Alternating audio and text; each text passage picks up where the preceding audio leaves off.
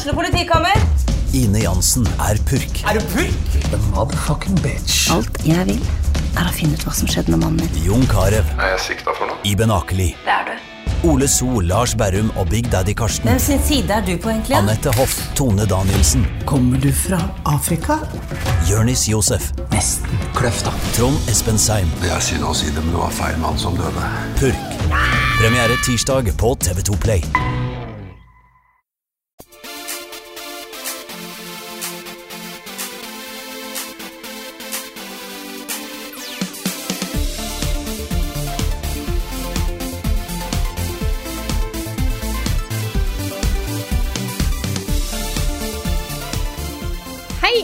Velkommen til en ny episode av podkasten Level Backup. Med meg, Frida Danmo, og med meg har jeg selvfølgelig Karl Martin Hogsnes og Rune Fjell Olsen. Hallo, folkens. Hei. Hei, Frida. Hvordan går det med dere? Bra. Ja, bra. Litt sliten. Jeg har vært eh, i Paris eh, noen Ja. dager, og det er tøft å reise, altså. Sånne, sånne turer som det. Og i hvert fall fordi denne gangen her så tok jeg med meg en PlayStation 4 i håndbagasjen, liksom. Så jeg har gått rundt og båret på en PlayStation 4 liksom gjennom flyplassen og flytog og fram og tilbake til hotell og inn på messa og sånne ting, liksom. Det er, man blir litt sånn tung i kroppen også, av å gå rundt med så mye bagasje over, mm. over litt tid. Reising er slitsomt, Det er Ja, det. det er det. Mm. rett og slett. Men Altså. uh, ellers går det bra. Du, Ja, Karl? du- Du har det bra? Jeg har det bra. Um, jeg vet ikke, vil, vil du si noe om Paris-turen, Rune, eller skal vi ta det seinere i, i casten? Nei, jeg kan godt si litt, fordi eh, det her er jo første gang jeg har reist på en betalt tur. Vi fikk jo tilbud fra Sony om å bli med ned til Paris for å se på eh, den store pressekonferansen de skulle ha der. Pluss at de hadde et eget opplegg med sånn behind closed doors-ting. Intervjuer med utviklere og, og sånne ting. Og for første gang så vurderte vi sånn at ja, vet du hva, vi gjør det. Vi prøver det, ser hvordan det er. Det er lenge siden vi har vært på tur. Eh, Det er lenge siden vi har kunnet liksom lage reportasjer fra spillevents som skjer ute i verden. Så vi hadde lyst til å teste det ut og se om det var verdt å gjøre det. Uh, og jeg tror ikke det er verdt å gjøre det, folkens. Det var liksom jeg, Det her har jeg sendt, eh, jeg har sendt formell liksom, tilbakemelding på opplegget. Fordi opplegget var dritbra. Eh, de hadde henta inn sånn eh, lead art director, lead creative director, sånne ting liksom, til å snakke om spillene som ble vist fram eh, behind closed doors da, på disse sessions-tingene. Men jeg fikk jo ikke lov til å filme noen av disse møtene, så jeg hadde tre kjempespennende intervjuer, eller sånn rundebordsintervjuer og presentasjoner av spill, med bra folk, liksom. Masse interessante ting som kom fram. Fikk ikke lov til å filme. Og det var det jeg fikk, liksom. Og jeg spurte er det mulig å liksom hente ut noen av disse folka her til å gjøre et femminutters intervju etter at de er ferdige og sånt. Ja, de skulle prøve, men det ble ikke noe av, da. Og da skjønner jeg ikke hvorfor vi ble invitert til å være med. Vi, det er jo det vi gjør. Det er jo, altså, vi lager jo reportasjer og videoer og intervjuer og sånne ting. Vi sitter jo ikke og lager sånne kose sånn eh, preview hands on-ting, liksom. Det Nei. er Ja. Så eh, litt uh, skuffa over det, altså. Mest fordi jeg bare hadde gleda meg litt til å kunne lage litt journalism, fuck yeah. uh, igjen, Ja. liksom. Mm. Ja. Så, så det var synd. Jeg kan ta en sånn tur, for da slipper jeg å gjøre intervju, og da er jeg happy. Men uh...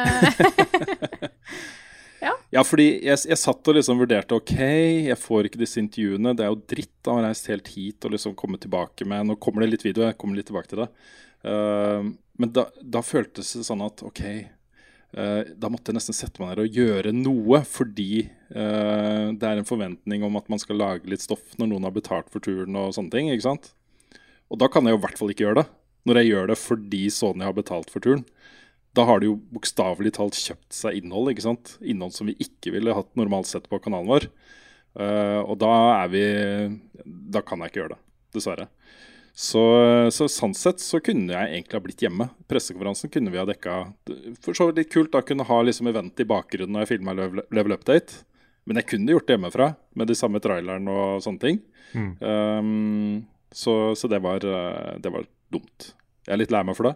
Det er eh, eh, Hadde håpa at jeg skulle få mer ut av det. ja, Men da har, vi, da har vi prøvd det. Så neste gang skal vi f.eks. bare kjøre en stream eller noe sånt. Eh, Ikke sant? Fra, Det hadde jo vært eh, vel så bra, tror jeg. Fra en sofa. Mm. Men jeg har jo eh, Jeg kom meg jo på Altså, messa åpna på onsdag. Jeg kom til Paris på mandag. På tirsdag så var det det Sony-opplegget.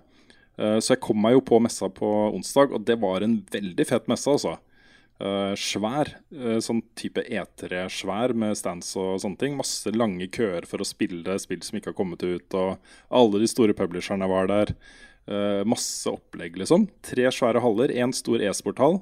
Én stor sånn derre barne- og familiehall, kan man kanskje kalle det. De hadde litt sånn kule løyper for BMX-sykler og sånne ting med Hva heter det, sånne svinger som er kurva og sånt.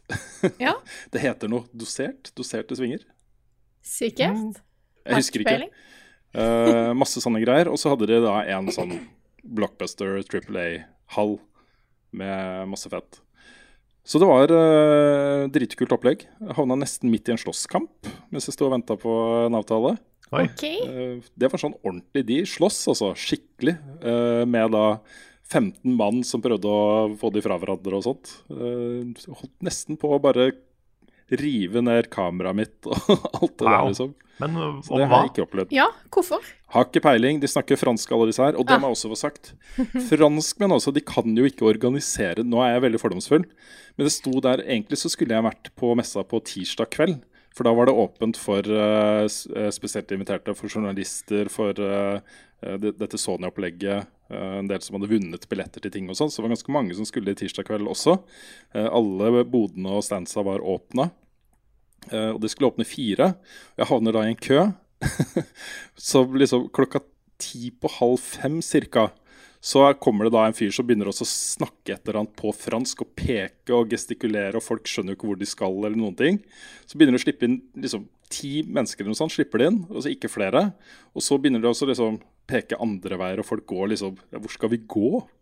Kommer jeg endelig inn da, i selve messeområdet og stått der liksom i et kvarter, 20 minutter. Og så kommer det en han snakker på fransk, da bare ja, blå, blå, blå, blå, blå, blå, og peker liksom Kom dere bort dit? Noen går, noen blir. Det er liksom ingen som skjønner hva som foregår i det hele tatt. da. Så vet du hva? Da stakk jeg. ja. Tenkte Da kommer jeg tilbake hit i morgen, uh, litt senere på dagen, når på en måte det verste greiene hadde lagt seg. Det verste var at da jeg kom tilbake og spurte om å få liksom, hvor er presseinngangen, så ble jeg jo, eh, havna jeg til slutt på en sånn sjokoladebesse som var rett ved siden av. De bare pekte og, de liksom pekte og ba meg om å gå bort dit til det bygget der. og pekte, Så de dytta meg på en måte inn i en sånn der, uh, path da, som leda dit. Ah. Da trodde jeg du skulle ja. si at da du kom tilbake, så sto han fyren fortsatt der og veiva. og folk ja, det sto der og bare sånn. Ja. Ja. Men selve messa, når man først kom i gang, da, selve messa var dritbra. Så, uh, så det var kult jeg fikk ta turen innom der. Jeg filma litt. Uh, og så fikk jeg jo da um, et intervju med Bunji. Så det er ikke helt uh, krise. Det var, det var, gøy at jeg fikk det. Da var jeg jo på den ene, det var den ene prestasjonen som jeg hadde på tirsdagen. Som jeg ikke fikk filme på. Og hvor det også bare var noen som ikke kunne svare på spørsmål engang. Uh, men da fikk jeg spurt da etterpå om det er mulig å få til et intervju, og da hadde de en ledig slott da på onsdagen. Så det har jeg gjort. Vært og nice. intervjua og spilt uh, delscenen som kommer i desember. Så jeg er jo fornøyd også. Det er liksom, det er ikke helt krise, dette her. hmm. Nei. Så, ja. Men det er jo i hvert fall bra da at du fikk noe ut av turen.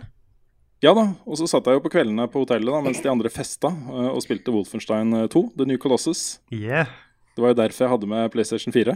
Så, så, jeg har jo kost meg, liksom. Jeg har sovet en par timer lenger enn jeg pleier å gjøre, og spist gode frokoster og ingen barn som maser og sånn, så jeg har jo, det har jo vært OK også. Det, det har det. Alle var enige om at det hadde vært en fin tur. Ja. På en måte, ja. Ja, mm. ja vi kan ja. jo litt, eh, gli litt fint over hva vi har spilt i det siste. Rune, du har spilt uh, Wolfenstein? Jeg har spilt Wolf Wolfenstein 2, ja. Um, har kommet ganske langt uti det nå. Begynner å nærme meg en anmeldelse, tror jeg.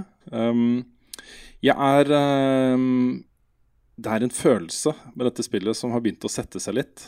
Uh, og jeg elsker det. Jeg syns det er dritkult. Men jeg syns kanskje de prøver litt hardt. Også de tingene som jeg elska med uh, The New Order. Uh, det at uh, BJ Blaskowicz ikke er en typisk liksom, macho-helt. At han har følelser, og at de har liksom morsom og ofte ganske god dialog. da. Uh, og sier, altså Disse spillfigurene her, actionheltene, de sier ting som man ikke forventer at actionhelter skal si i den type spill. og de har samtaler, og de har sex, og de har, det er masse sånne greier. da. jeg føler at kanskje de har dratt den litt langt. At de prøver litt hardt å liksom kjøre videre på akkurat det sporet der. Så innimellom så, så syns jeg kanskje at uh, noen av de samtalene de rollefigurene har, er litt litt påtatt. Ikke, det er ikke like effektfullt som det var i, i New, New Order, syns jeg. da. Um, men det er fortsatt veldig bra, også, så det er ikke noe sånn krise, liksom. Men jeg hadde en lite, lite håp om at dette her kunne bli sånn der type ti av ti-spill. Altså en evolusjon fra The New Order, som var så stor og så fantastisk. Og så den skikkelig coming, coming of age-spillet til uh, Machine Games, liksom. Uh, og det føler jeg ikke helt er, da. Jeg føler det er omtrent på nivå med The New Order, uh, men ikke sånn voldsomt mye bedre. Og så syns jeg også level-designet er ofte litt forvirrende. Jeg blir mye vele litt rundt og havner liksom på steder som jeg har vært før og skjønner ikke helt hvordan jeg har kommet meg dit. Og så skjønner jeg ikke helt hvordan jeg skal komme meg dit jeg skal. Og så er det litt mye sånn hinder i veien. Jeg skal liksom opp et sted, og så står jeg fast fordi det er liksom et, en stein som er rett foran akkurat der jeg skal hoppe. Så det flyter ikke så godt, da. Så Nei. Jeg, jeg har spilt det, jeg òg. Ja. Mm. Um, har kommet til den delen av spillet hvor det åpner seg opp litt. Mm. Uh, hvor du får en del sånne sidemissions med en maskin du kan unlocke og sånne ting. Ja. For å prøve å si, uh, si hvor jeg er på en minst uh, spoiler-måte. For det skjer ganske mye uh, fram til da. Mm. Men um, jeg reagerte litt på det, det siste du sa. At det var litt mer rotete level design. Jeg syns Mm. noen av de combat-encounterene ikke er fullt så bra designa som de kanskje var i New Order. Mm. At det er litt mer sånn, i hvert fall hvis man skal prøve å være stealthy. Så føler jeg at ofte Ja, når jeg blir oppdaga, så, så, så føles det litt urettferdig. Ja. Jeg føles ikke som du du har de, de, riktige verktøyene til å kunne spille stealthy. Nei, jeg, det var lettere da jeg skjønte at du kunne bruke pistolen Mm. som et stealth-våpen. Ja. Men da også er det ofte sånn at plutselig så bare er det en hund der. som ikke du kunne se, men som bare plutselig er der, og så blir du sett. Mm, det er sant, det. Så det, det irriterte meg litt. Men jeg syns storyen for meg funker veldig bra. Ja da, det er en kjempegod story og masse Det er egentlig mitt største problem nå. Hva i all verden skal jeg vise i en videoanmeldelse av dette spillet uten å spoile noe? Mm. Det er kjempevanskelig, fordi det er spoilere hele fuckings tiden. Ja, ja. Det er vendepunkter og ting som skjer absolutt hele tida. Ja, det er faktisk det, altså. Og selv ting liksom Det skjer helt i starten også, så hvis du viser ting seinere i spillet som kanskje ikke liksom inneholder en person som burde ha vært der, så er det en spoiler òg, liksom. Mm. Så Det er masse sånne ting da, hele tiden, liksom, så jeg vet ikke helt hva jeg skal vise. Det må bli liksom en Kanskje speile litt de trailerne som er vist fram fra før, eh, Ja. på en eller annen måte. Ja, sant. Så, Men jeg syns, eh, jeg syns hun, um, hun ene nye, hun Grace, mm, hun syns jeg er helt fantastisk. Hun er kanskje NPC of the year for meg. altså. Ja, det er ikke så langt unna. Det er, eh, det er mye kule rollefigurer her. Ja. Jeg syns det helt, altså, One-linerne og manuset syns jeg er veldig bra. Ja, det er litt hit and miss for min del, men uh, ofte så er det dritbra. Så um, ja. Det er bare sånn, uh, Særlig liksom i oppbyggingen av spillet så syns jeg liksom OK, hver gang de snakker med hverandre, så er det liksom ingen grense for hvor mørkt det skal bli. da. Altså hvor uh, dystert og hvor uh, dyptfølende ting skal være. Um, så kanskje Jeg vet ikke. Det, det Ja, høres litt rart ut å klage på det også, men Ja, jeg likte den delen, men jeg synes, uh, grunnen til at jeg likte det, er fordi at de balanserer det så utrolig bra med humoren, mm, for min del. Det er, Jeg tror aldri jeg har sett et spill som klarer å gå så mye fram og tilbake fra å være bekmørkt til å være kjempemorsomt. You need to play Metal Gear, my son. Ja, det, det, den ser jeg, men jeg Ja. det er utrolig kult. da Mm. At det er, det er så liksom kølsvart, og så går over til fortsatt veldig mørk humor, men likevel humor, da. Ja da. Jeg ikke uenig. Jeg er veldig glad i spillet også. Jeg bare Jeg har, har en høne eller to å plukke med det. Da tenkte jeg skulle gjøre det også. Ikke bare, Mm. sitte, og, ikke os- bare sitte og skryte av det. Nei, Eh, det men det kommer det da en anmeldelse på etter hvert. Jeg har fått også nå det er, Jeg har fått uh, review-kode på uh, Frozen Wilds. Uh, Horizon DLC-en kom nå. ja. Eh, jeg har ikke begynt å spille ennå, så jeg vet ingenting om det. Men jeg har jo um, snakket med utviklerne i eh, Paris. eh, og eh, de viste fram ganske mye fra DLC-en der. Og de, de har gjort en del endringer som jeg liker veldig godt. En av de tingene som jeg klaga på i min anmeldelse av Horizon, var jo alle disse statiske eh, dialogene med MPC-er. Hvor det var liksom alltid det samme sceneoppbygginga. Først totalshot, så nærbilde av den ene, så nærbilde av den andre, og så fram og tilbake, og så totalshot. Og så. De var helt like hele tiden. Nå er de eh, håndregisserte, alle sammen. Alle disse samtalene er regisserte eh, med liksom forskjellig kamerabruk og mye mer dynamiske. da. Um, det var den ene tingen. Den andre tingen er rewards for quests, som jo var ofte sånn helt ubrukelige ting du fikk uh, i hovedspillet. Eller ikke ubrukelige, men ting som i hvert fall ikke føltes som noen sånn ordentlig reward for en vanskelig quest, jeg hadde gjennomført. da. Uh, Reward-systemet er forbedra. Uh, du kan også, du har fått en egen sånn perk-tre som handler om, om utforsking. hvor, eller Traveler heter det perk-treet. Du har jo tre andre som går på combat og sånne ting liksom, fra før. men her kan du da f.eks. plukke opp ting du rir forbi på din mount, liksom. Istedenfor å måtte gå av mounten, plukke opp den der ressursen du trenger, og så sette deg tilbake og så ri videre. Du kan plukke det opp mens du rir. Så det er en del sånne quality of life-ting som jeg syns er veldig bra. da. Uh, og de sier at det er ca. 15 timers uh, gameplay. Og det er en saftig, fin uh, expansion. Hmm. Så dette gleder jeg meg til å spille. Men de quality of life-tinga, er de for bare DLC-en, eller kommer de til å gjelde for spill òg? Uh, dette, er, dette, blir implementert i resten av spillet. Det er et eget område som låser seg opp. Uh, det er tilpassa ca. level 30 uh, fiendene og sånt du der. Uh, men når du har tilgang til det området, som er liksom helt nord på kartet, i liksom hovedspillet, så kan du bare begynne å spille. Så det er også da tilgjengelig i endgame etterpå, liksom, når du har runda spillet og skal, kan bare gå rundt og fise rundt med Quests og sånne ting, så kan du også bare dra dit og gjøre det. Så, så, de systemene i det spillet kan brukes i hele spillet. Men jeg tror de fleste som har øh, lyst til å spille, har allerede spilt Horizon, tenker jeg da. Så det er ikke sikkert at det blir så nyttig å dra med seg de øh, nye ferdighetene til Aloy rundt omkring i resten av verden for folk. Det vet jeg ikke. Kanskje. Ja, men samtidig så er det jo uh, to av tre i podkasten vår som har lyst til å spille Horizon, som ikke har fått gjort det ennå. Ja, ja. Det gikk jo fra å være et 50-timers eh, spill til et 65-timers eh, spill, så det er bare å skynde dere. Det blir ikke bedre. Nei. Nei. Det var litt morsomt. Jeg spurte, dette er jo en, eh, Alt er jo sånn is og snø og sånt, så jeg spurte da om det kommer tre expansions til. En Fire og en Electricity. så, ikke sant? Og der lo de da. Nei, det er den eneste og siste, den første og siste delscenen til dette spillet. Ja. Så ja. Det kommer ikke mer etter dette. Nei. Så det er greit. Jeg skulle nesten ønske de putta inn paraglideren fra Selda. Bare sånn ah. for å for, for, jeg har blitt så avhengig av den. Jeg mm. elsker den.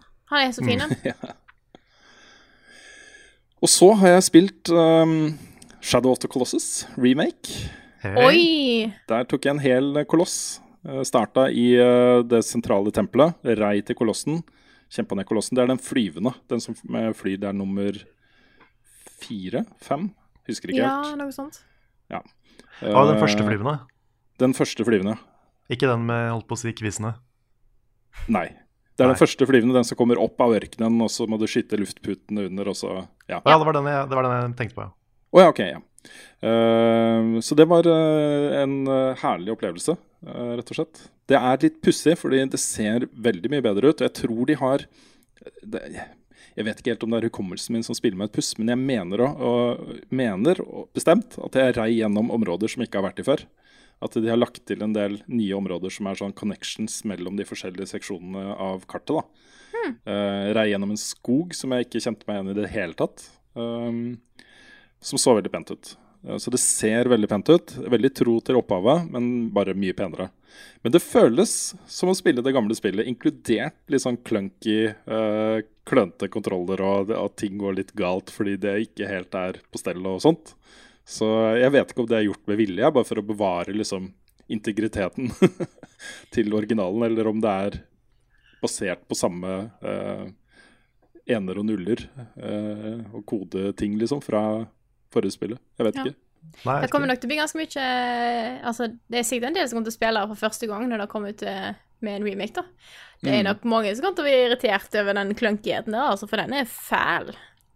Det de, det de, burde ha gjort, er å være litt mer tilgivende på uh, hva, uh, hva han fyren gjør når han trykker på en knapp og er i nærheten av noe.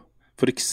det å gå på hesten At er du i nærheten av hesten din, så bør, og du trykker på den knappen som du skal trykke på for å gå på hesten, så bør du gå på hesten. Selv om du da ikke er akkurat på det ene punktet som Ikke sant? Så det føles bare så teit å stå der og hoppe, liksom. Du står rett ved siden av heisen og hopper uh, opp og ned, liksom, og så går du liksom et par meter andre par meter lenger bort. Og så står du fortsatt og hopper, for du er ikke på riktig punkt ennå. Så tredje gangen så får du det kanskje til, da. Så sanne ting er liksom Det burde, det burde de ha fiksa, syns jeg. Det også var en ting i Final Fantasy 15, hvor hoppeknappen og prateknappen var samme knapp. Så veldig ofte når du gikk bort til en NPC for å si noe, eh, så bare hoppa du isteden. Ja, ikke sant. Det ser veldig Det ser kjempeteit ut. Litt som starten av Portal 2, hvor du bare sier hallo, og så hopper du. Ja, det er helt sant. Uh, ja, men dette gleder jeg meg veldig til å spille, altså. Og det, er, uh, det blir gøy, da. For da har liksom Originalen spilte jeg jo tre-fire ganger på PS2, og så har jeg spilt uh, remastered-versjonen eh, et par ganger. Og så når neste gang blir det en full remake. Så litt morsomt å være med på hele den prosessen her, med nye, nye iterasjoner av dette, spillet her. Yes. Uh, skal vi se, jeg har notert litt, fordi uh, jeg har jo da også som sagt spilt uh, eh, Curse of Osiris, som er delsendt i Destiny 2. Den kommer 5.12., både på PC og uh, konsoll.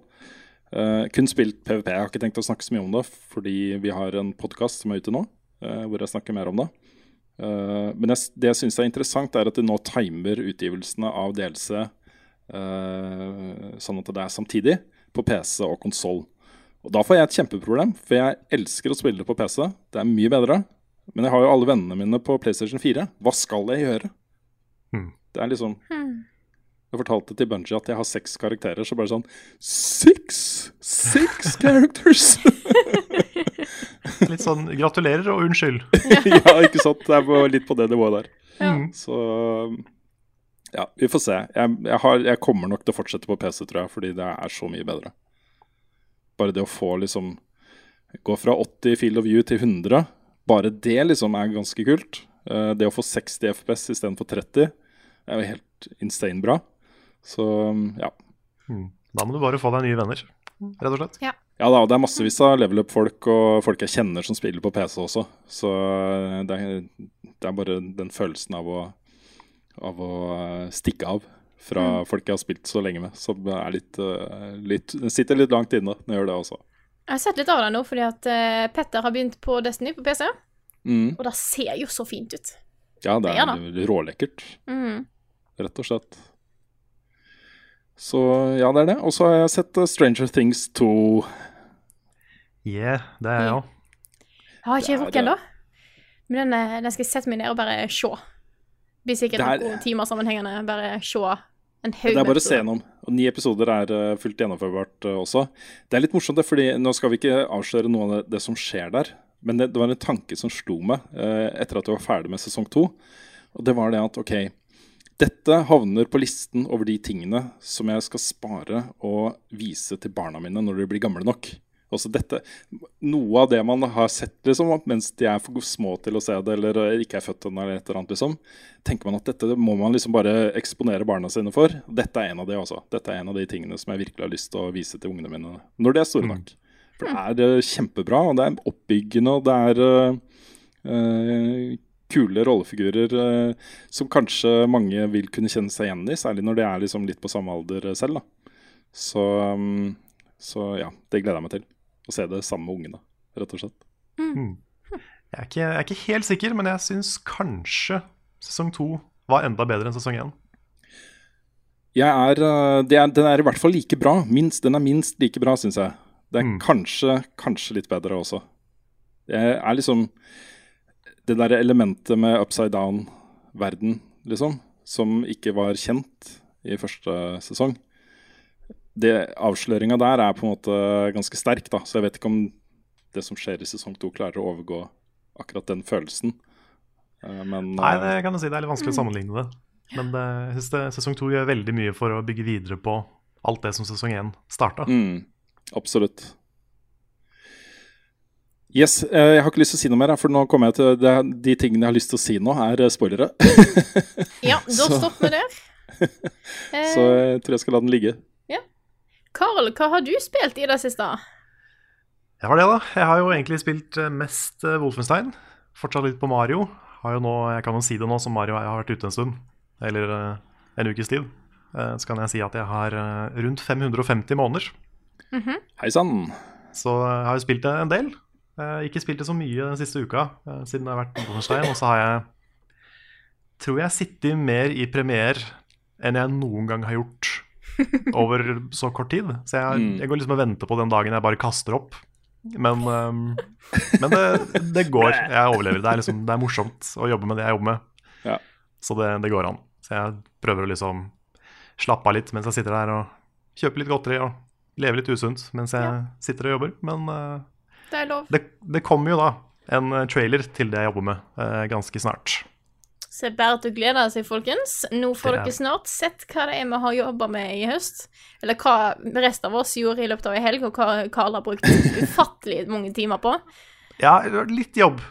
Litt, Litt jobb har det vært. ja. Litt jobb. Men, um, men, Men det har kan vært vi- altså, Kan vi gå ut med dato nå? Den er spikra, den, er den ikke det, Karl? Den er i hvert fall, i hvert fall nesten spikra. Ja. Fordi vi, eh, jeg får, eh, vi har en fotograf som har oss som har filma serien og hjelper oss litt med, med ting. Og han skal eh, ta en titt på klippen.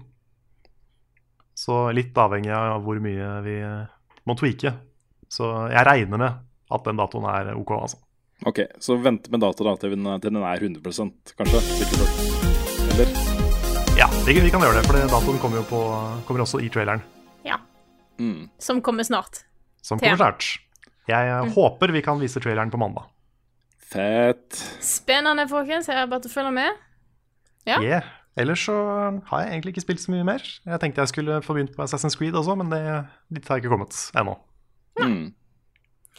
Jeg har spilt Mario. Fortsatt med Mario. Hva Hva syns du? Nei, det er jo fantastisk.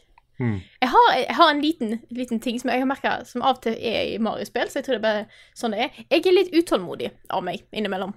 Og jeg kom på det når vi snakka om eh, eh, litt sånn clunky controls i eh, Shadow of the Colossus. Med at du må, på en måte ikke står helt rett, så får du ikke gjort noe. Jeg har lyst til at hvis jeg vet at det er noe jeg kan interacte med, så skal jeg springe bort, og trykke på knappen, og så skjer det ting. Men sånn funker det ikke i Mario. Hvis jeg vet at jeg skal bort til det klesskapet der og skifte kostyme, så springer jeg bort, trykker på A, så skjer det ingenting. Og så kom prompten opp til at jeg kan trykke på A. Og det er sånn mm, Fordi at jeg står på rett plass, han bare laster det inn. Så det er det eneste eneste lille irritasjonsmomentet jeg har funnet. Eh, ellers er det bare fantastisk. Det er så kjekt å liksom bare sånn Ja, du har en svær verden her. Nå skal jeg begynne med å gå til ene kanten, og så skal jeg bare liksom bare swipe meg gjennom hele, hele området. Det er så gøy, da. Mm. Mm. Og jeg får veldig den der Zelda-følelsen. Bare sånn Å, der er noe. Det er noe på det treet der borte. Så da må jeg bo der. Og når jeg kom på toppen av det treet, så ser jeg at det var noe kult på den sida. Så da må jeg på den sida, og så vet jeg at jeg skal bort på den andre veien etter hvert. Men da har jeg ikke tenkt å gjøre noe. Så jeg, jeg liker den måte bare oppdagelsesdelen av det òg. Mm. Så eh, Ja, det, er, det er litt sånn som den giffen med han fyren som ser på han derre muskelduden. Som du har brukt noen ganger, Rune. Ja, Han som bare, nettopp. oh, oi, ja. wow! Og så til slutt så bare besvimer han. Ja. Vince McMahon, tror jeg han heter. Ja, riktig. Nei, det, um, det, er, det er litt sånn. Det er sånn endeløs strøm av liksom Oi! Fordi, Vet du hva som er litt morsomt med det klippet? Det er en liten, liten fun fact. Jeg trodde jo originalen er liksom uh, de muskelfolkene. Det trodde jeg lenge. Mm. Uh, originalen er at det kommer en dame opp i uh, wrestling-ringen. Som det er det det er klippet fra. da. Å ja, ok. wow. Så, Så han er ikke, han er ikke egentlig muskelentusiast på, på Nei, han er ikke det, altså. Nei. Det er litt bortsett Det første jeg så av han, han er en kjent figur da, innenfor eh, wrestling. En uh, announcer og personlighet, og wrestler, tror jeg, tidligere. Så litt morsomt at mitt første møte med han var en denne muskel, muskelgiffen, liksom. For den er veldig morsom.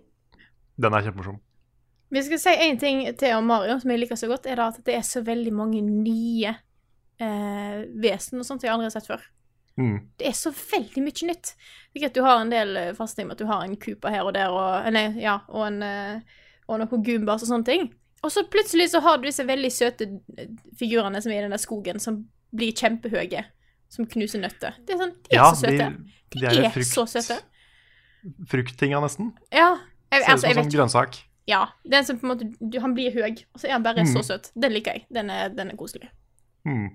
Har, du, har du vært i Snow Kingdom? Nei, jeg har ikke den, da. Åh, det er bare vent. Gleder meg. Der er det noen veldig fine små skapninger.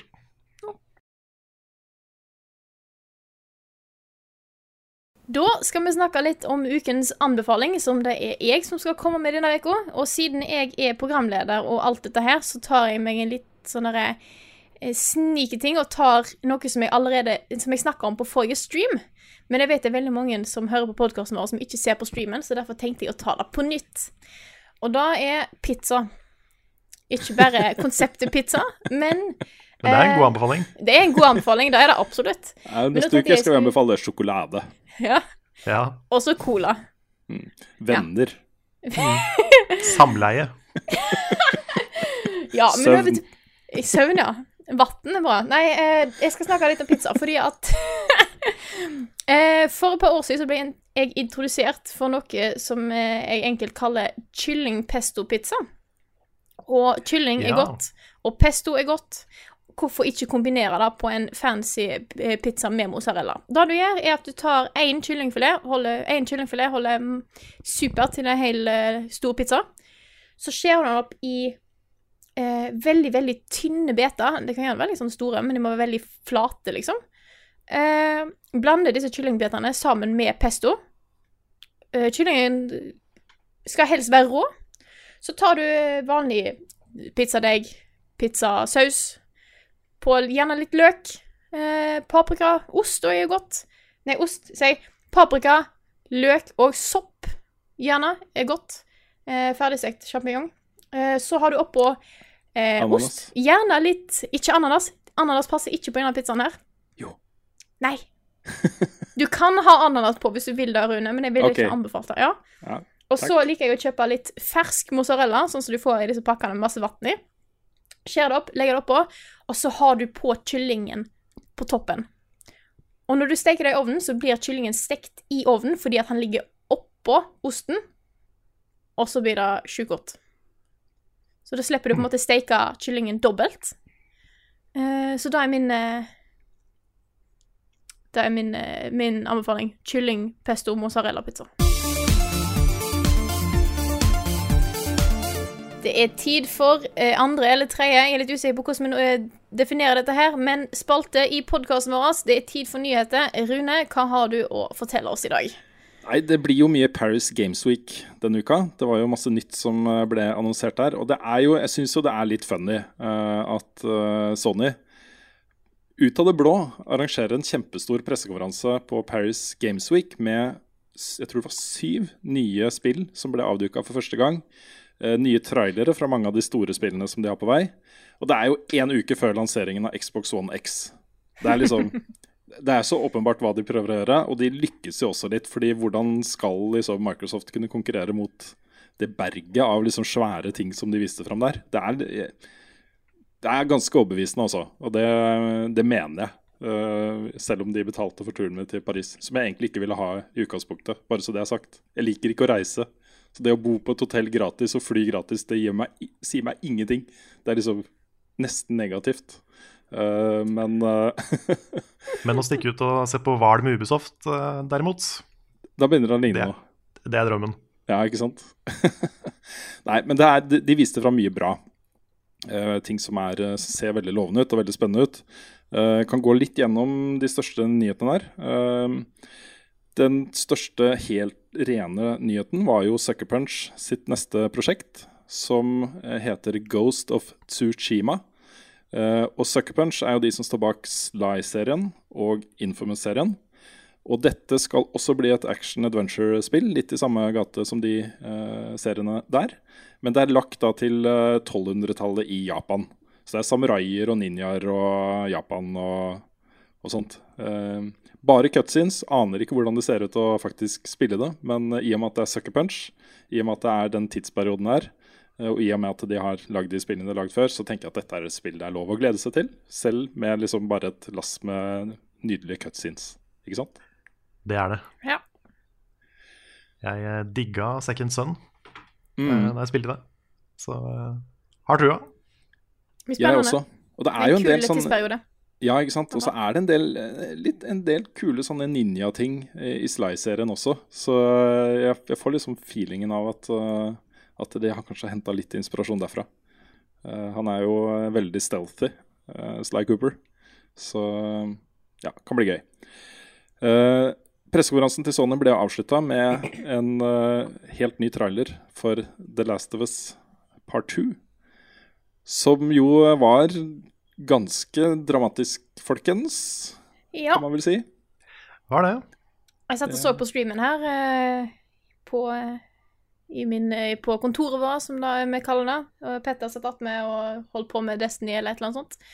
Eh, og ser på Snur seg og ser akkurat i den sekvensen der det er, der det er verst. ja, ikke sant. Og lurer på hva i alle dager jeg ser på. Og jeg var jo litt usikker sjøl på det punktet der. Men sånn, jeg var ganske sikker på at jeg visste hva spillet var, skulle være en trailer for, men det var litt, likevel sånn Herregud, han var jo litt tøff. Men eh, det var jo en effektfull trailer, da. Ja, Altså, den eh, demonstrerer jo veldig tydelig hva eh, Naughty Dog prøver å få til her. Eh, det handler jo om mennesker. Det handler om uh, veldig nære ting, og veldig gufne uh, nære ting. Uh, det er på en måte, Jeg syns det er litt interessant at det ikke er zombiene som er de verste, verste her, liksom. At det er andre Nei, det, mennesker. det var litt sånn i eneren nå, Ja. at uh, menneskene var, eh, var den største trusselen. Mm. Ja. Og så er det jo litt gøy å spekulere i hvem disse personene var. Nå er det, ser jeg, litt sånn teorier om at eh, hun som var liksom hovedpersonen i denne traileren, kanskje er moren til Ellie? Kanskje. Oi. Mm. Og det er jo eh, eh, Naughty Dog gikk jo ut og fortalte hvem som var stemmeskuespillerne til alle disse rollefigurene vi så i traileren. Men hun som var liksom stemmeskuespilleren til den personen, eh, da var det liksom svarta ut da, hvem hun spilte. Så det er jo, eh, det er jo noe. Nice. Da er det litt Ja. kult. Ja. Du er det sannsynligvis en karakter vi kjenner litt til, siden Mm. de faktisk svarta det ut. Det var jo noen som lurte på om det var Ellie, men det gikk de ut og sa at det ikke var. Mm. Da kan Det du, Hun var jo litt sånn middel- middelaldrende og sånt. Jeg holder en knapp for moren hennes, jeg også. Ja, Ja, det, er ikke et, det er ikke et dumt forslag. Internett er utrolig flink til å prøve å finne ut hva, hva som skjer i serier og trailere og alt, og Ja, altfor flink til å faktisk ha rett. Mm. Internett ødela Westworld for meg, Ja, rett og slett. De, Mm. de fant ut alt på forhånd. Sånn er det. internett. Sånn er det. En annen ting som det blir morsomt å avdekke og se hva internett mener om, er jo det neste spillet til eh, David Kash. Ja, jeg må ha sjans! Emotions. Eh, han hadde jo med seg en eh, helt ny trailer fra Detroit, Become Human. Og apropos uh, ting som gjorde litt vondt å se på. Dette var jo en scene hvor uh, eh, du ser henne androiden som vi har sett litt før, fra den aller første teaseren for dette spillet. Eh, jeg husker så godt øyeblikket hun bare I want to live! Fra den traileren. Eh, hun er jo da på en måte ansatt som en Eller hun er kjøpt inn som en nanny for en liten jente. Eh, og i dette huset så er det da en liten jente og en uh, helt forferdelig pappa, liksom. Som er skikkelig abusive og, og sånt. Og den traileren der, altså Jeg sånn, rives litt mellom at dette her gjorde vondt på en interessant måte, og det her føles bare feil, liksom. Ja, det er, det er noe med og Det er litt fordi vi kjenner David Cage fra før, tenker jeg. Mm. Fordi han, er, han har liksom gjort begge deler. Han har veldig mørke ting i Heavy Rain, sånn som den der veldig kjente kutta seg fingeren-scenen. Mm. Og den funker veldig bra fordi det er så lett å sette seg inn i hva han Ethan hovedpersonen går gjennom der. Og hvorfor han gjør det han gjør, og hvorfor han må gjøre det han gjør. Mm. Men på den andre sida så har du jo de fem scenene der Madison Page nesten blir drept slash voldtatt, som ikke har noen ting med noe av resten av historien å gjøre. Mm. Og bare er der for å liksom sjokkere og være dramatisk. Og jeg aner ikke hvilken av dem det her er. Nei, det han sier Ja, jeg selv, føler- da Det han sier selv, er jo at øh, den scenen er med på å uh, bygge opp til at den androiden her på en måte tar avstand fra menneskeheten, eller fra uh, hennes posisjon i samfunnet, og blir liksom en, et selvstendig individ. da. Eh, det trigger noe i henne. Hun får eh, det å beskytte denne jenta, det å redde denne jenta fra faren hennes, eh, er det som gjør at også, Så det er sånn han forklarer, da. At derfor må den være med en sånn type scene, fordi det må være ganske ille da, for å få henne til å gjøre akkurat det. Men eh, jeg, jeg klarer liksom ikke helt å fri meg fra, fra den derre tanken om at dette handler om bare å provosere fram følelser i spillere mer enn å drive fram et plott. Mm. Og da blir det jo spekulativt, hvis det er det som er greia, liksom. Ja, for, fordi jeg håper jo at eh, Detroit blir et kjempebra spill. Mm. Jeg håper at uh, den barnemishandlingsdelen av storyen blir uh, tatt opp på en måte som ikke er billig, liksom. Mm. Men jeg blir jo skeptisk når jeg ser f.eks. intervjuet han hadde med Eurogamer. Hvor han, det eneste, han, han har liksom ikke noe ordentlig svar på hvorfor han har barnemishandling og barnedrap inni der, men det er sånn Ja, men det er fordi jeg er kunstner, og jeg skal få lov i spill fordi de gjør det på film. Og det er på en måte ikke det som er poenget. Det er ikke, det er ikke revolusjonerende altså det, er, det er ikke noe nytt å ha en mørk historie i et spill lenger. Det var kanskje litt mer det da Heavy Rain kom. Mm. Men nå er det veldig mange store spill som har veldig mørke, alvorlige plott. da. Ja, for det er akkurat da det er litt sånn eh, Det er bra at spill tar opp vanskelige ting, vanskelige historier og sånne ting, men da må det gjøres for en grunn, ikke bare for å være ja, provoserende, som du sier. Nei, for, litt av problemet mitt med David Cage da, det er at han bruker uh, litt sånne mørke, alvorlige uh, sånn traumeting på samme måte som en litt dårlig skrekkfilm bruker jumpscares. Mm. At han liksom bare skal uh, Han skal bare Å, nå skal du få følelser! Bare pff, følelser. Litt sånn der sjokkhumor, nesten. Sånn, Ja. nå, skal du bare, nå skal du få en reaksjon. Jeg er litt Og jeg vet ikke om det er fortjent. Da. Jeg vet ikke om det er liksom bygd opp til. Mm. Jeg er litt delt mellom å tenke akkurat sånn, jeg også. Uh, og det er jo basert på Du var inne på det tidligere, Carl, men uh, vår erfaring med hans spill fra før uh, har jo farga vår oppfatning av hva dette er også, ikke sant. Men jeg er litt jeg, Hvis du ser den, det intervjuet som var på Eurogamer, så er det jo nesten unisont reaksjoner på hvor slemme Eurogamer er mot David Cage. For de er jo også helt åpenbart forutinntatt når de intervjuer han. Eh, det David Cage sier om at eh, om at eh, ingen temaer på en måte er hellig i spillmediet heller. Også, det er ikke noe du må holde deg unna fordi det er spill. Det er ikke noe du må holde deg unna fordi spill skal være underholdende, liksom. Man skal kunne ta opp alle de samme temaene som tas opp i andre former for medier. Men hans mening, da, det er jo en legitim holdning å ha. Eh, og så er jo spørsmålet om han er den riktige mannen til å gjøre det eller ikke, og hvordan det ender opp å bli i spillet, er jo på en måte en annen diskusjon. da. Men jeg føler litt at Eurogamer her var litt ute etter å ta han, som mange er, da. ikke sant? Um, Ja, jeg, jeg ser den, men samtidig så tenker jeg at uh, altså det, det han bruker som argument, er at uh, han ikke vil bli spurt om det han ble spurt om hvis han var filmregissør. Og det tror jeg ikke noe på. Nei, det tror ikke jeg på heller. Men, men det er Han hadde ikke fått den uh, serien med spørsmål hvis ikke det var fordi han var David Cage heller, tror jeg. Nei, jeg, jeg veit ikke. Kanskje ikke. Men tror du ikke liksom hvis uh, nå, nå ble det jo litt reaksjoner på den uh, Last of Us-traileren, men hvis den hadde hatt liksom barnedrap i seg, da, tror du ikke de også hadde fått de spørsmåla? Jo, Jeg, jeg tror liksom det. ja, Så kanskje. jeg vet ikke. Jeg, jeg er ikke sikker på om jeg kjøper helt den. altså. Nei, det, er noe, i- det, er, det er noe med tonen på en måte i øh, spørsmålene til han som det skinner litt igjennom. At uh, denne journalisten har en mening om hvem David Cage er, og hva han syns om de arbeidene som han har gjort tidligere. Det gjør, det, jeg syns det gjør det, da.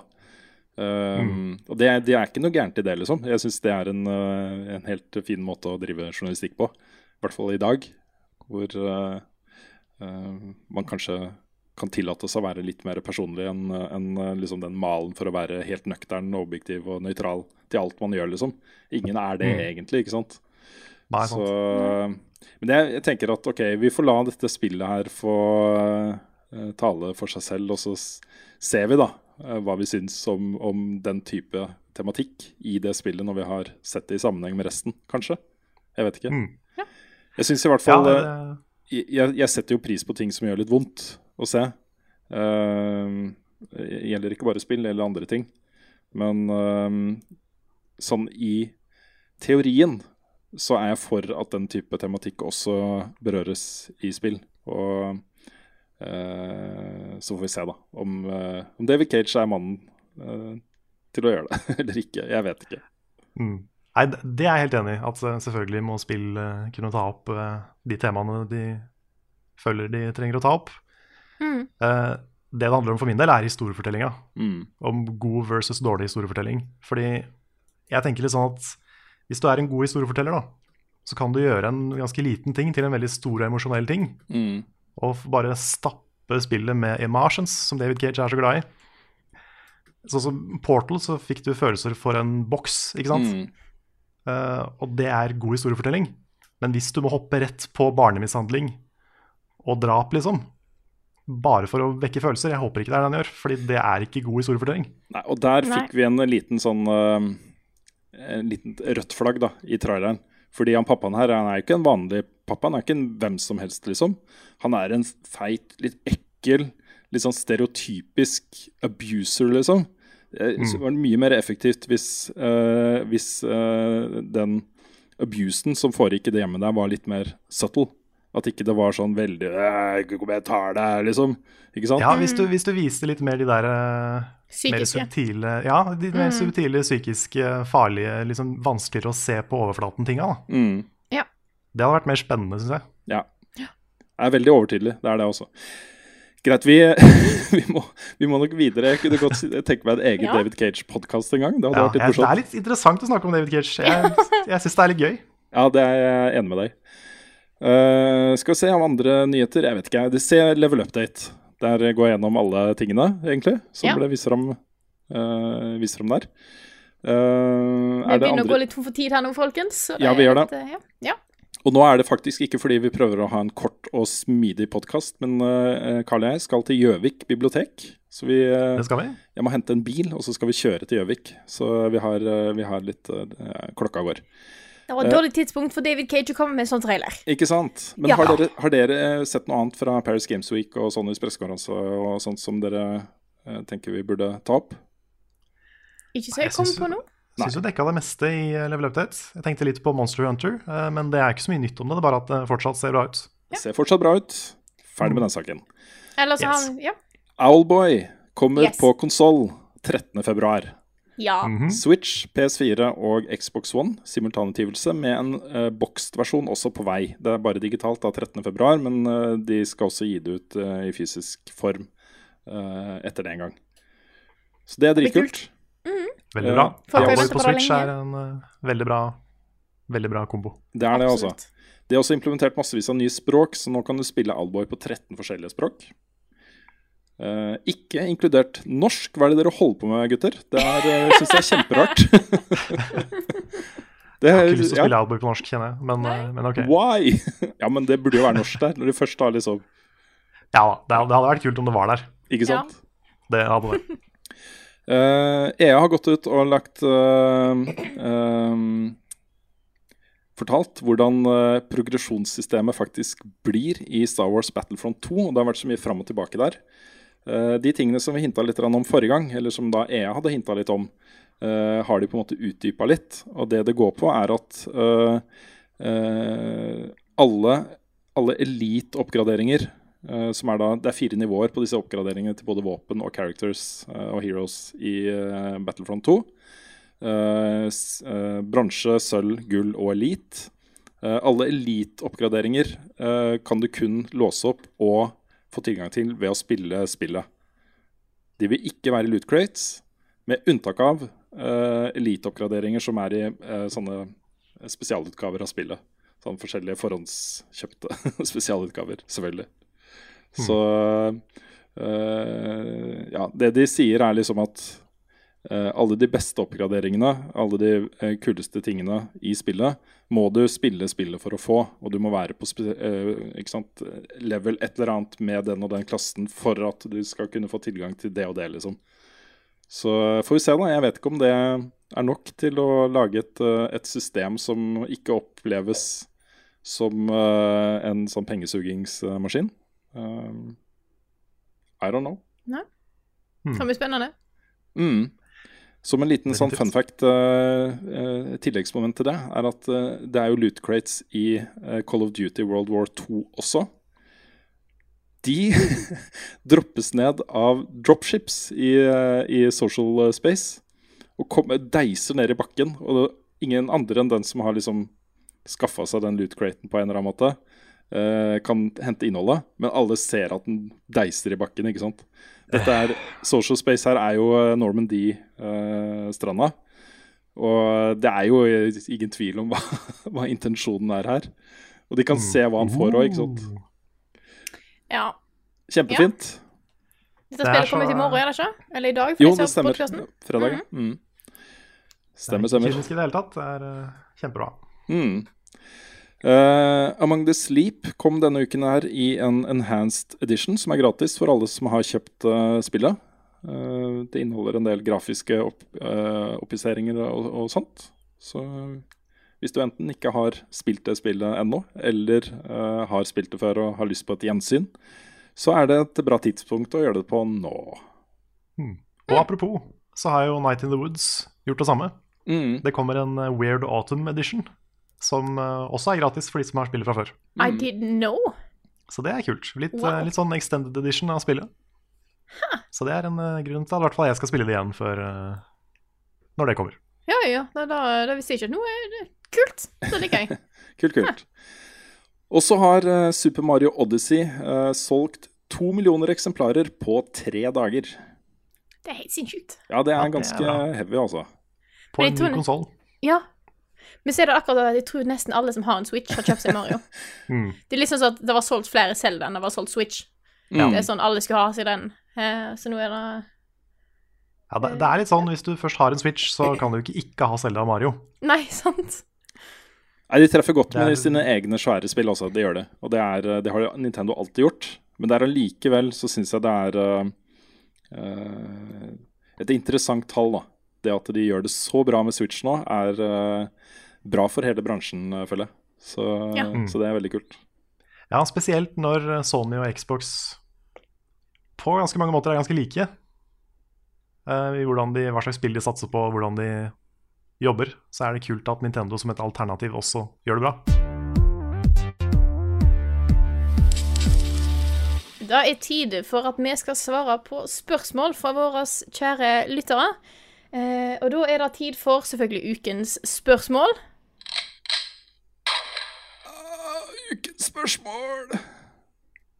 Oi, her Ja. fikk vi faktisk et uh, drap midt i sendingen. Så da blir det dessverre ikke mer Rune i løpet av, uh, av podkasten. Han brukte sine siste krefter og sine siste ord på å si ukens uh, spørsmål. Ja. Ja, Jeg har det bra, folkens. med- Jeg lever. Du Du har et streifskudd. Ah, det er bra. Du hadde på deg skuddsikker vest, hadde du ikke det? Jo da. Jo. Mm. Nei, uh, ukens spørsmål er på en måte to spørsmål, fordi at vi har fått inn samme spørsmål fra to personer.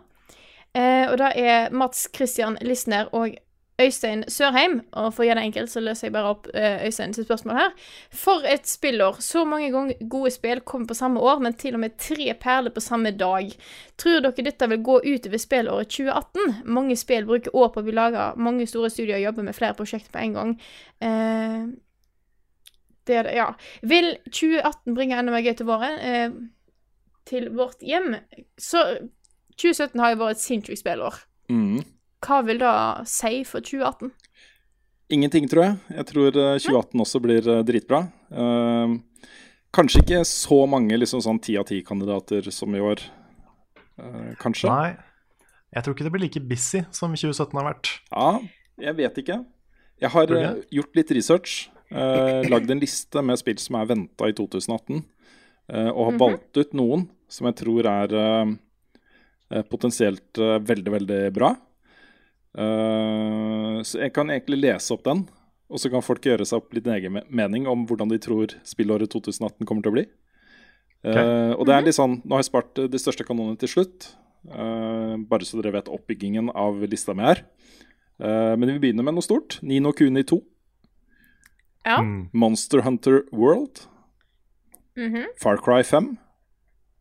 Uh, det herlige indiespillet Kentucky Route Zero, som ble avslutta nå rett over nyttår, med siste kapittel. Frostpunk, det neste spillet til de som lagde um, uh, Åh, hva heter den igjen, da? Den krig, det krigsspillet som ikke var et krigsspill, hvor man er liksom man Å ja, ja, This uh, War of Mine. This War of Mine, selvfølgelig. eh, som er, tar de temaene der enda litt videre. Eh, Vampyr, det neste spillet til de som lagde altså Dontnod, de som lagde Life is Strange. Shadow of the Tomb Raider er venta neste år. Sannsynligvis ikke før 2019, det spillet, men uh, ja, inntil videre. Ja. Detroit. Psychonauts 2. Death Stranding. Uh. Anthem. Ja. A, A Way Out, som er uh, nye spillet til Fares, uh, Fares og Mm, ja, mm. Spiderman-spillet til uh, uh, Hell yeah. Insomniac. Ja. Mm. God of War. ja. Red Dead Redemption 2. Ja. Mhm. Altså, det er ting her. Det er ting her som er noe, som kan bli noe. Mm. Så, Kingdom Hearts 3. Ja, og så er jeg sikkert glemt Kingdom Hearts 3, ja, ja, ja. Ja, ikke sant? Kingdom Hearts 3 kommer kanskje Kommer det neste år? Er det bekrefta? Ja, det, de, de sier 2018, men jeg vet ikke om jeg kjøper det. Nei, ikke sant? Nei. Det kommer til å komme ting her som er uh, dritbra. Noen av disse spillene blir dritbra, det vet jeg. Eh, ikke garantert at alle blir det, men noe av dette blir dritbra. Så Og dette, denne jo, lista tar jo ikke med de, på en måte, de indie-perlene som bare plutselig dukker opp, heller. Nei, den gjør ikke det. Det er, det er jo noen indiespill som jeg tok med, eh, fordi de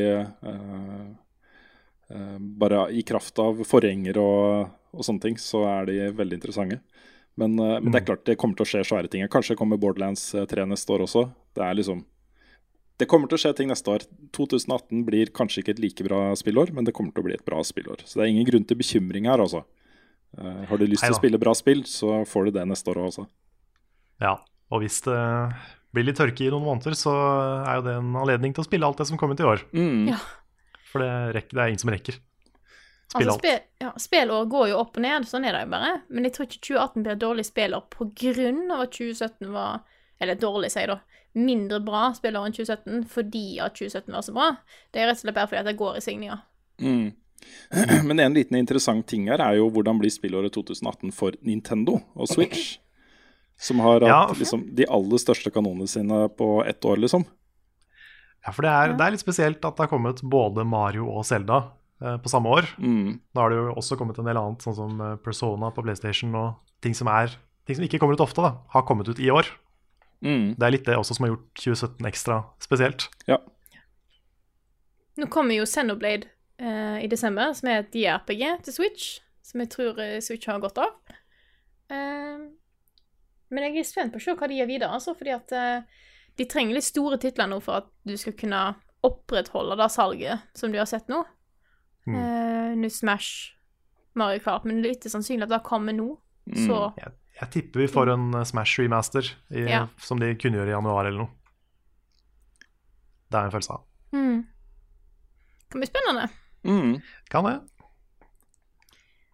Ja, var det det vi hadde å si om 2018? Ja. Ja. Ja. Ja, men da eh, eh, Da har jo jeg spørsmål her, om bare finne de. Vi har fått et spørsmål her fra Marius Rien Heide, som skriver Finnes det noen form for sjalusi over jobbene dere har fra venner og familie? Og hvis dere måtte tatt jobben til et annet familiemedlem, hva hadde det vært? Hmm. Hmm. Det er en del som sier at de skulle ønske de hadde hatt Altså, de syns at jobben min er kul. Og da skjønner jeg jo. For deg igjen. Ja, jeg håper ikke det er sånn ondsinna sjalusi. Nei, det tror jeg ikke. Nei, jeg har ikke hørt noe. Det er, jeg får noen sånne der Ja, men du er heldig. Og du Jeg er jo heldig. Og så, så er det noen som er den der Ja, du sitter jo bare og trykker på knapper hele dagen. Det er ikke helt eh, Jeg vet ikke om det er sjalusi. Det er vel heller fra folk som ikke er så inne i spill. Mm. Ja. Nei, jeg sliter litt grann med noen ganger, da, av og til, å øh, overbevise kona om at det jeg sitter og gjør, er faktisk jobb. så, så det er litt den derre Hun har jo en uh, veldig spennende jobb i skatteetaten, Uh, men det er mye sånn møter og sånn vanlige sånn jobbting. Uh, og det blir hun selvfølgelig ganske sliten av hvis det er en dag full av møter. Og hvis min dag da har vært at jeg har sittet og spilt et spill som jeg har gleda meg til kjempelenge, og det har jeg gjort hele dagen, liksom, så føler jeg at det kanskje no, Noen ganger så syns hun det er litt kjipt, da. Men det er, det er ikke noe sånn vondt ment eller noe sånt. Det bare er en eh, At det kanskje er litt urettferdig eller noe sånt. Jeg vet ikke. Ja. Ja. Men eh, hvis dere skulle tatt jobben til et annet familiemedlem, hva ville dere gjort? Jeg tror kanskje jeg kunne Jeg syntes det hadde vært gøy å ha hatt jobben til svogeren min. Han er grafisk eh, designer. Det var jo en, en yrkesretning som jeg nesten uh, valgte istedenfor journalistikken uh, back in the day. Så uh, Ja. det syns jeg er gøy. Drive med grafisk design. design. Ja, eh, faren min er sjef i en smykkebutikk. Jeg vet ikke om jeg hadde blitt det. uh, mamma er lærer. Kanskje den gamle jobben til mamma. Jeg kunne, kunne kanskje jobba i en barnehage. Det kunne vært, i hvert fall i en kort periode kunne det vært gøy, tror jeg. Sikkert vært slitsomt i lengden, men Jeg Kunne kanskje jobba i barnehage. Jeg tror kanskje jeg ville hatt jobben til eh, tanta mi. Hun har en del Hun driver mye med ledelse og har en del kurs innenfor HMS og mye miljø, altså, miljø innad i bedrifter for veldig mange av de største bedriftene i Norge. Så det er egentlig en ganske kul jobb. Mm. Jeg tror det kunne vært spennende. Problemet er at hun reiser noe helt sinnssykt, så måtte jeg ha lært meg å fly. Du, du trenger ikke å Eh, fly selv, da. Du trenger ikke å lære deg Nei. å fly. Nei, men jeg må lære eh, på en måte meg sjøl å takle å fly godt. Ja, det er, Eh, ok, Da skjønner jeg hva du mener. For det skjønte jeg Ja. ikke i stad, skjønner du. Nei, Nei. nei, OK. Jeg skulle ikke Nei. bare kverulere. Nei, nei, nei, nei jeg regna egentlig med at du ikke skjønte hva jeg snakka om. Mm. skjønner du? Jeg trodde bare- du mente at du faktisk skulle lære deg å gro vinger og fly, liksom. Ja. Eller eventuelt Ja, men Men det det er være jobb, pilot. den jobben har jeg tatt. Ja, det er tatt den. ja. Nei, så da var det um, Så vidt jeg vet, så er det fortsatt ikke mulig å gro vinger. Men hvis det hadde vært mulighet, så hadde det kanskje da blitt aktuelt. mm. Get on it science. Jeg vil ha vinger før jeg er 40. Jeg skal ta og snakke med noen på, på NTNU, jeg. Gjør Det det. kan helt sikkert fikse meg. Nice. Nei, men Vi hopper videre til neste spørsmål, her, som er fra Erik Gjelde, som skriver I løpet av det siste året har det kun kommet én klassiker. Er dette en spalte som er lagt ned eller nedprioritert? Eh, hvis dette er tilfellet, kunne denne spalten åpne seg opp til å bli sjående klassikere? Savner at noen nerder over gullkorn fra fortida. Føler ganske stor forskjell mellom filmet hull og klassikeren. Og da å lage klassikerinnslag er jo kjempekos, Mm. men det tar, Ja. tar tid, og det er altså 2017. Ja, det er rett og slett 2017. Ja. Det har, vært, det har kommet for mange spill eh, som vi har måttet anmelde og dekke. Og det er sånn Det som tar mest tid eh, sånn for oss å lage, det er jo anmeldelser og den type innslag. Eh, sånn streams og Let's Play og sånne ting, det tar jo eh, kanskje 2% av den tida vi bruker på et sånn skikkelig innslag-innslag. Mm. Eh, og derfor så er det begrensa hva vi rekker å anmelde. Og hvis det er veldig mange spill å anmelde, så blir det jo mindre tid til klassikere. Vi har Men jo det er jo min favorittspalte. Ja, min også, men vi har jo gjort en prioritering sant, på hva vi skal bruke tida vår på. Og det går jo på at vi prioriterer å være aktuelle, så aktuelle som mulig. Eh, foran det å liksom bare sitte og kose oss med spill som vi elsker fra gamle dager. Og, ikke sant? Men det er jo det beste innholdet vårt ofte, når vi kan gjøre det også. Så vi får se om vi skal begynne å prioritere litt annerledes. Da må, får vi anmeldt mindre, da. Det er jo eh, Det går jo på bekostning av noe. Ja. Det gjør det. Vi kan jo også vurdere etter hvert um, Hvis det er sånn at veldig mange savner flere klassikere, uh, så kan vi f.eks. Uh, ta en pause fra Film i tull en periode, og så heller fokusere på å lage det, f.eks. Ja, det er ikke så dum idé, det. Og så Det kunne vi kanskje bare ha gjort bestemt oss for å gjøre en gang, eh, Karl. Tatt noen Mm. pause og heller lagt klassikerinnslag. Mm. Det er det som er litt skummelt med å introdusere sånne nye ukentlige ting. Fordi da, da blir det enda en ting som liksom tar tida bort fra annet. Ja, ikke sant? Ja. Jeg har jo opptak til tre klassikere, tror jeg. Mm. Altså, Mm. altså gameplay-opptak. Jeg begynner på ene person. Ja, nå skal jeg lage den. Så spiller jeg da litt, og så plutselig kommer en anmeldelse, og så har jeg mista tid til den. NES-klassikerinnslaget mitt er jo et godt eksempel på det. Eh, den ble jo på en måte aldri ferdig. Men jeg har faktisk nå igjen planer om et nytt klassikerinnslag som jeg har lyst til å få til kanskje når jeg har ferie til jul. Kanskje jeg kommer klassiker da. Hey. Who knows? Maybe. Men jeg har ikke lyst til å si noe om hva det er engang, for da er det folk som kommer til å mase på meg. Liksom, sånn, ja, 'Skulle ikke du lage klassiker om da?' Og så sier jeg jo Jo, det skulle jeg.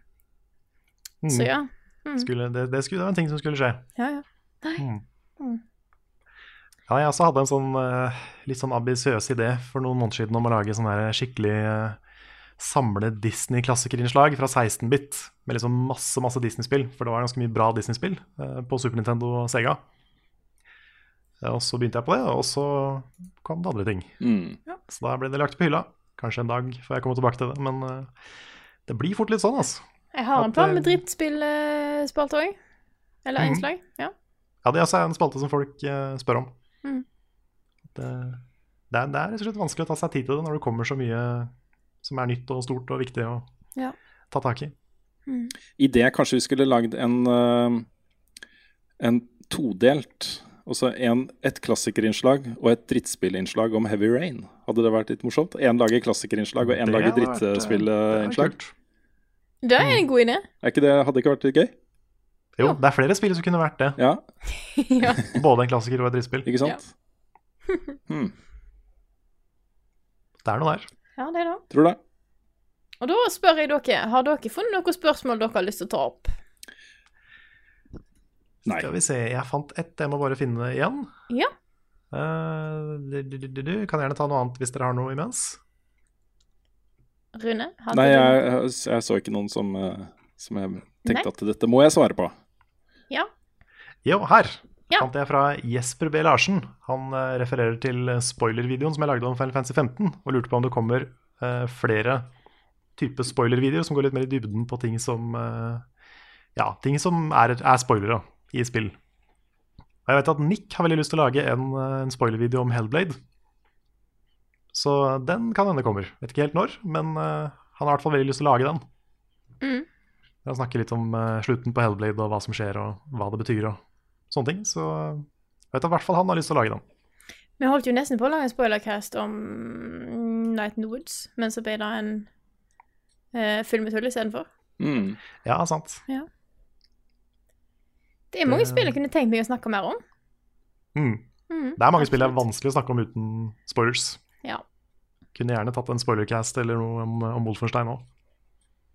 Kjenner Det kunne gått an. Det hadde vært uh, gøy. Mm. Så det, det er jo noen ting jeg har lyst til å gjøre med en sånn tid og sånt. Mm. Nei, men jeg er, jeg er veldig, for, veldig positiv til mer spoilerinnhold, altså.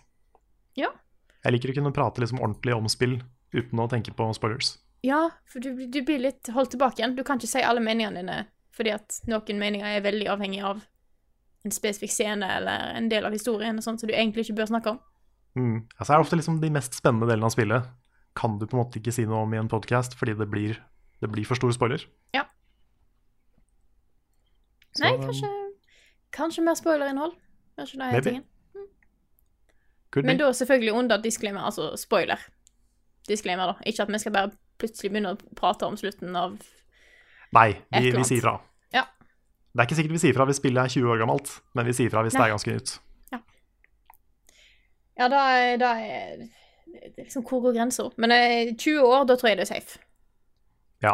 Ja. Hva som skjer med Erith i Final Fantasy 7, det, tror jeg, det føler jeg er safe å si nå. Fordi hvis ikke du har spilt Final Fantasy 7 nå, Ja. så ja, sorry.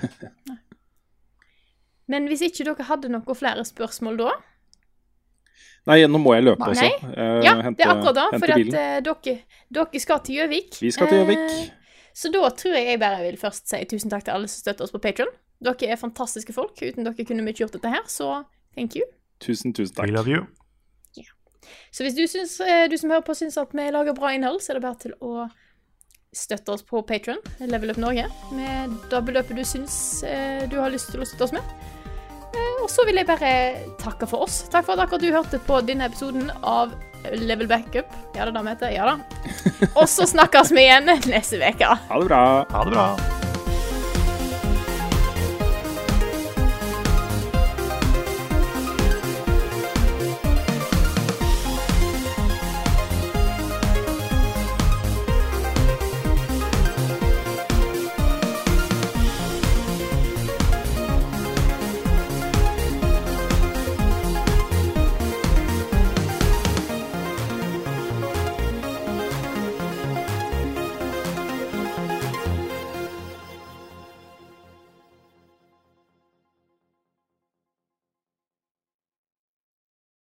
Har du et enkeltpersonforetak eller en liten bedrift? Da er du sikkert lei av å høre meg snakke om hvor enkelt det er med kvitteringer og bilag i fiken, så vi eh, gir oss her, vi. Fordi vi liker enkelt. Fiken superenkelt regnskap.